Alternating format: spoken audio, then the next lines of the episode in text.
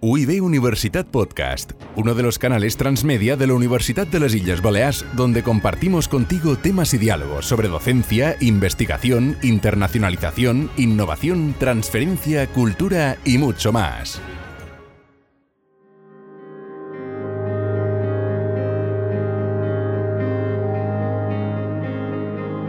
Hoy en día ser docente puede parecer una tarea complicada, puesto que la digitalización, esta palabra que a veces asusta un poco, llegó hace ya un tiempo para quedarse.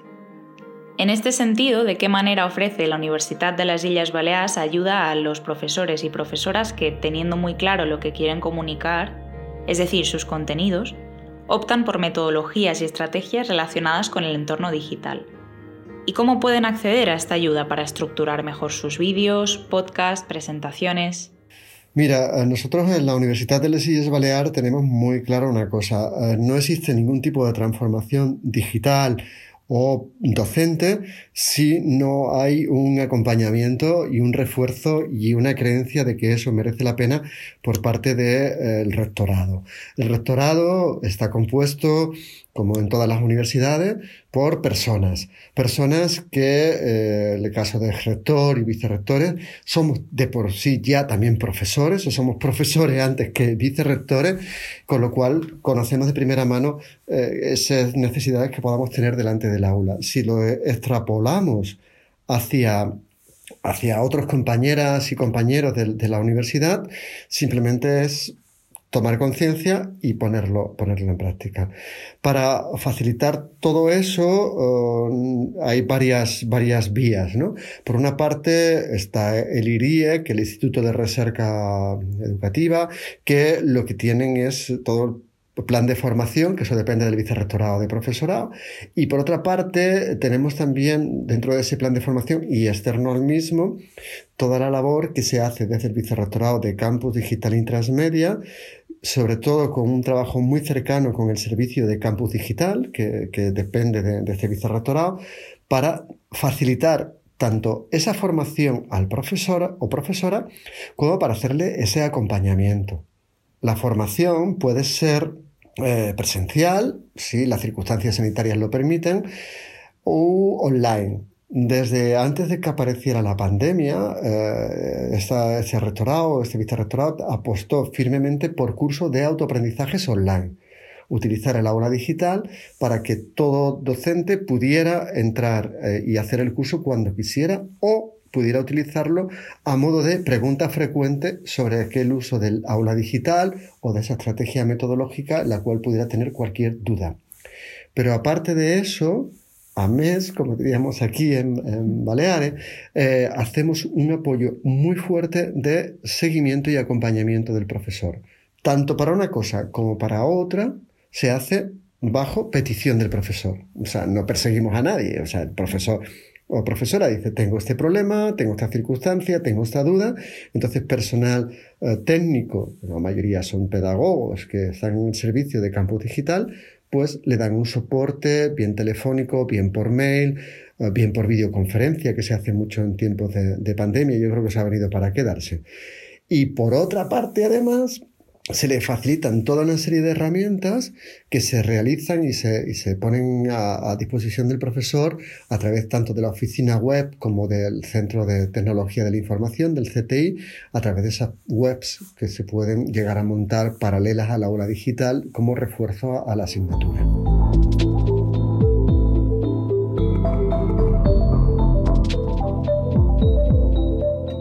Estamos hablando con Antonio Fernández Coca, vicerrector de Campus Digital y Transmedia de la Universidad de las Islas Baleares. Uno de los objetivos de nuestra universidad es conocer mejor a sus estudiantes, por ejemplo, qué tipo de lenguaje usan en su día a día, influenciado por las redes sociales o contenidos de plataformas digitales. Entender este lenguaje permite al docente o la docente adaptarse al mismo y fomentar la participación activa de sus alumnos. Para ello, la Universidad de las Islas Baleares ha diseñado una serie de talleres bajo el nombre de UIB 40.0. ¿En qué consisten exactamente estos talleres y por qué UIB 40.0? ¿Por qué este nombre? Bueno, vamos a empezar por el final. UIB 40.0 eh, recibe el nombre porque teníamos que ponerle un nombre al proyecto. UIB son las siglas de nuestra universidad, Universidad de las Islas Baleares. 40, ¿por qué 40? Pues porque cumplimos hace un par de años 40 años y era justo cuando empezábamos el proyecto. Y como en esto de tecnología y el mundo actual se pone siempre un número, punto y luego la versión, dijimos, pues vamos a irnos al número de los 40 años de nuestra universidad, de historia de la universidad contemporánea, más los cinco siglos de experiencia previos que, que contamos, y se llamará UIB 40.0 como se podía haber llamado de otra manera. Era una manera de reforzar dentro de las actividades de los 40 aniversarios, pues también estábamos haciendo aquello. Pero bueno, esto no deja de ser una anécdota. Lo importante es que nosotros pensamos que el estudiante es el, uno de los ejes de la universidad. En la universidad se investiga, pero en la universidad también se imparte docencia. Y la docencia se imparte a un destinatario, que no es otro que la estudiante o el estudiante.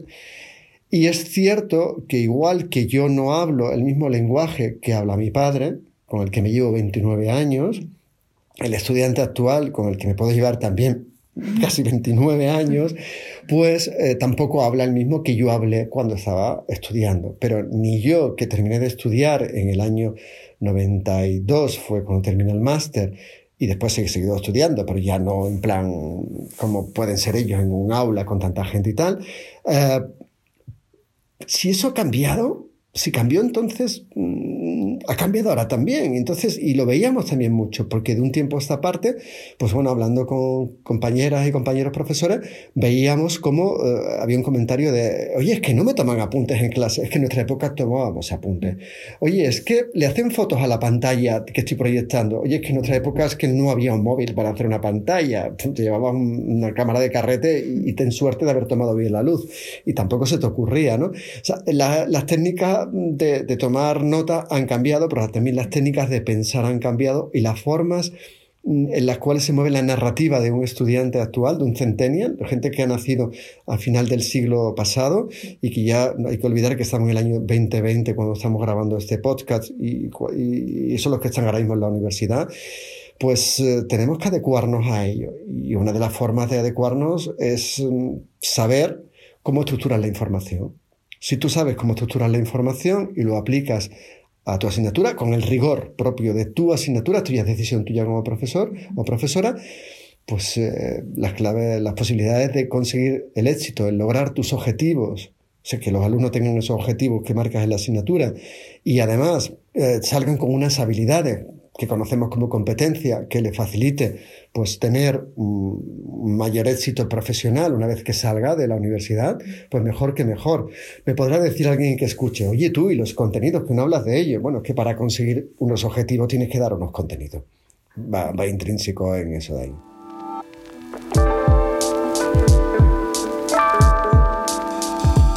Uno de los lemas de UIB 40.0 es Escucha activa, la clave desde la UIB para llegar mejor al estudiante. Precisamente para llegar mejor al estudiante, el docente o la docente tiene que poner de su parte, ¿no? Hasta ahora nos habían enseñado que un discurso debe tener tres secciones, inicio, nudo y desenlace. Pero esto ya no tiene por qué ser así. ¿Nos puedes explicar qué otras formas de estructurar la información han nacido con la generación Z o Centennial? Mira, eh, te lo respondía. Bueno, vamos a hacer un enlace con la, respuesta anterior. Hablábamos de UIB 40.0, eso ha sido una serie de talleres, siguen siendo una serie de talleres con estudiantes, donde utilizamos desde técnicas como design thinking al puro y simple diálogo. Pero tanto en uno como en otro estamos con lo que se llama una escucha activa. O sea, escuchamos lo que dices, eh, nos alimentamos, eh, damos una serie de actuaciones y retroalimentamos en función de los resultados. Entonces, a partir de toda esa dinámica que hemos ido desarrollando y que se ha desarrollado muy fuerte, se ha capitaneado desde este vicerrectorado, pero siempre insisto mucho con el protagonismo del servicio Campus Digital, hemos descubierto pues algo que, que, podía ser un poco obvio, que realmente lo ves, y es que eh, un estudiante actual, pero también nos pasa a gente de mayor edad actualmente, si tú le cuentas algo que es una estructura narrativa, como la propia que íbamos usando siempre, esta que llamamos aristoteliana, de inicio, nudo y desenlace, pues la gente se queda diciendo, sí, sí, muy bien, pero esto para qué sirve en un mundo de inmediatez, con el que yo personalmente no estoy de acuerdo, porque después de la inmediatez la pregunta es, ¿qué viene? O sea, vamos a ir al concreto y al grano, pues si esa herramienta o esa circunstancia que provoca ese mismo mundo inmediato de ¿para qué me sirve esto? y si no lo entiendo, pues no lo hago, pues dice, pues vamos a cambiar la forma de contar las historias. Pero paralelamente vemos y hemos estado analizando cuáles son las series de televisión, las series que ven en YouTube o la forma de estructurar la información de, los youtubers que más ven, nuestros estudiantes y saber más o menos, eh, no nos interesaba tanto si contaba un videojuego u otro, que a mí eso me da igual, sino cómo contaba la historia o el funcionamiento de ese videojuego o de esa divulgación o de esa cosa más eh, científica que estaba ahí detrás. Y veíamos que donde, mm, donde había mayor número de, de, gustos y, y de, aceptación por parte de, los usuarios es cuando la estructura es diferente. Cuando la estructura es, yo la llamo también estructura CSI, por esa serie de televisión donde asesinan a alguien y donde la primera imagen que vemos en esa serie es la figura de la persona asesinada. O sea, tú dices, ya me has contado el final y luego durante el, el programa, durante ese capítulo, te cuentan el proceso de la persona que, provoca ese, que hace ese delito y la persona que sufre ese delito y luego al final una solución y luego al final un avance del siguiente capítulo que pueda haber. Esto hoy en día en series como CSI o Bonds se ve mucho.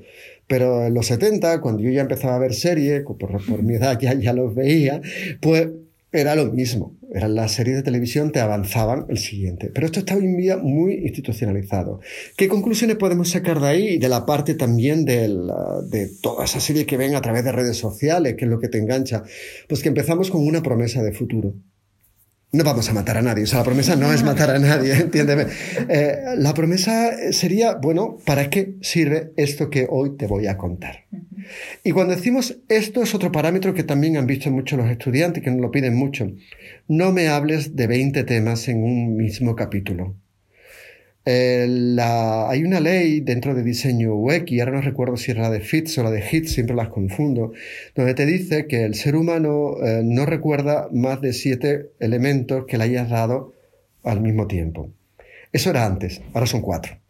Entonces, si tú ya en una web o en un cartel pones más de cuatro informaciones, la persona se empieza a perder. Si tú en una aplicación de móvil pones más de cuatro funciones de golpe, ya te vuelves loco.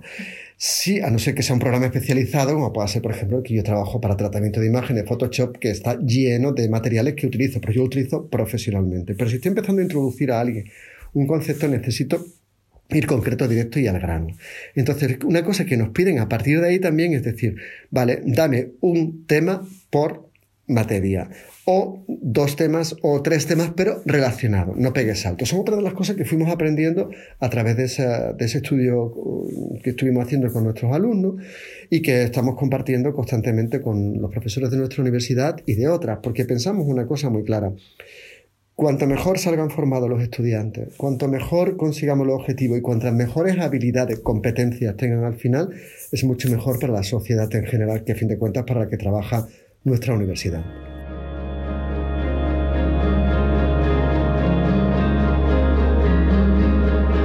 Antonio, además de ser vicerrector, eres profesor titular de la Universidad de las Islas Baleares. ¿Qué técnicas empleas tú para captar la atención de los estudiantes desde el principio? ¿Cómo empiezas una clase? Mi clase, yo juego mucho con la dinámica de la sorpresa no es una sorpresa de, oh, se me acaba de ocurrir, está como muy estructurado previo. La primera parte de, la sorpresa que se encuentran mis estudiantes en clase es ese discurso que, que empecé a usar hace dos años y que funciona muy bien, y es captar su interés de tal manera que intentemos provocar sus ganas de ir más allá, de saber más allá. La figura que yo viví eh, con. Yo nací en el año 66, o sea, calculad la edad que tengo ahora mismo. En función del año que escuchéis esto, no iréis sumándole una más. Pero la estructura que yo viví en la facultad era persona que venía, me largaba su. Perdón, rollo, porque era un rollo, la lección magistral tediosa mil por mil y yo me la tenía que, que creer, ¿no?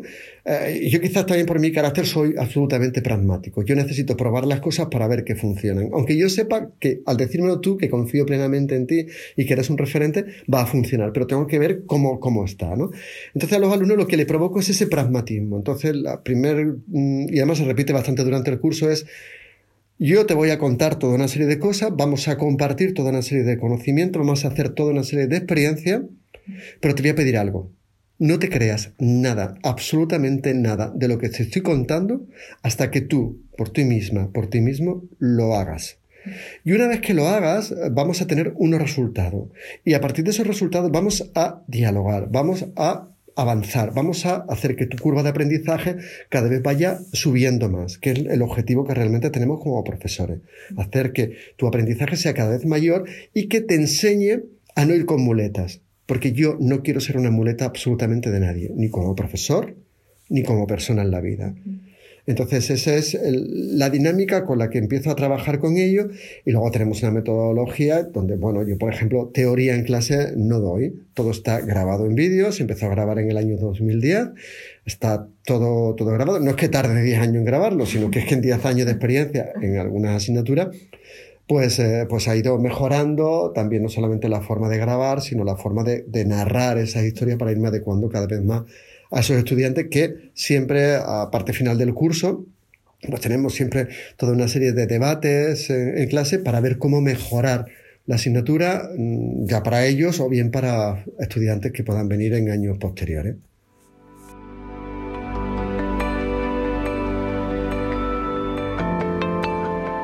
Por último, la Universidad de las Islas Baleares ayuda a los profesores y profesoras a grabarse frente a la cámara, porque no es lo mismo hablar ante un público que usar un teleprompter.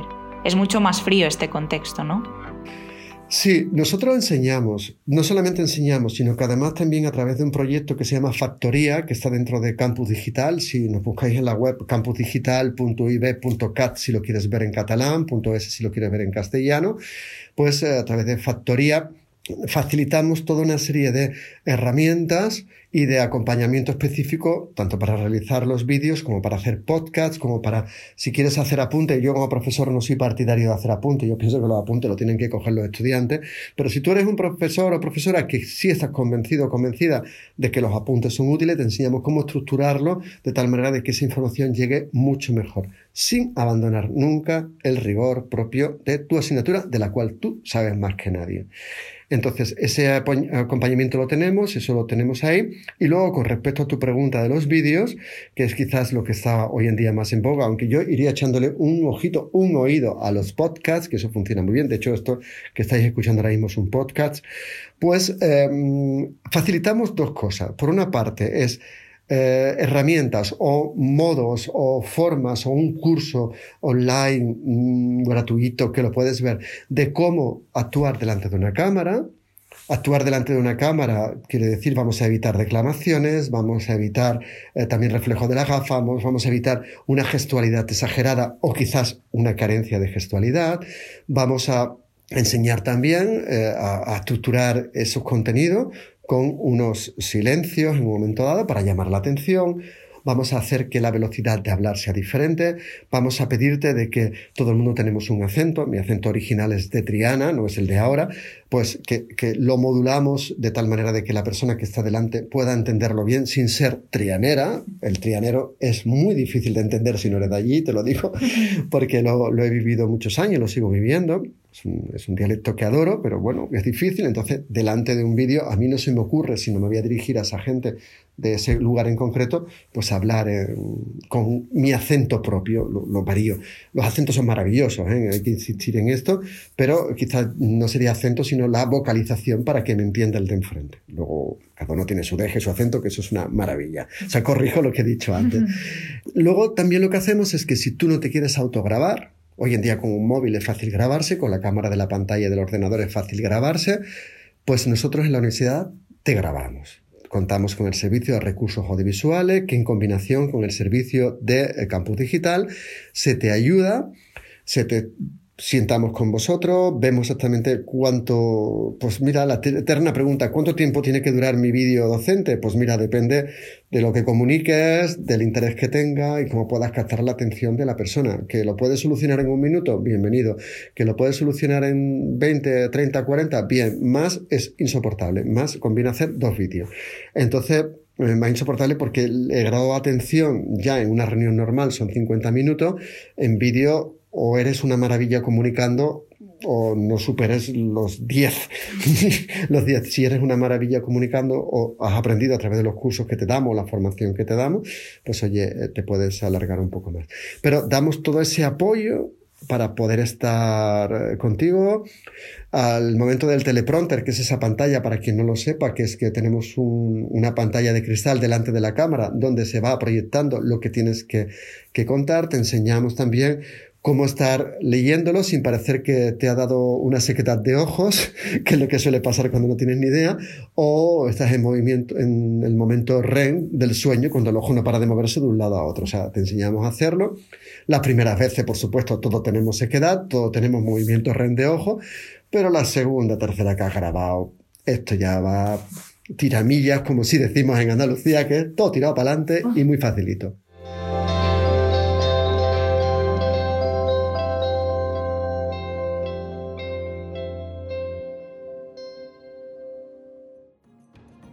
UIB Universitat Podcast, un dels canals transmèdia de la Universitat de les Illes Balears on compartim amb tu temes i diàlegs sobre docència, investigació, internacionalització, innovació, transferència, cultura i molt més.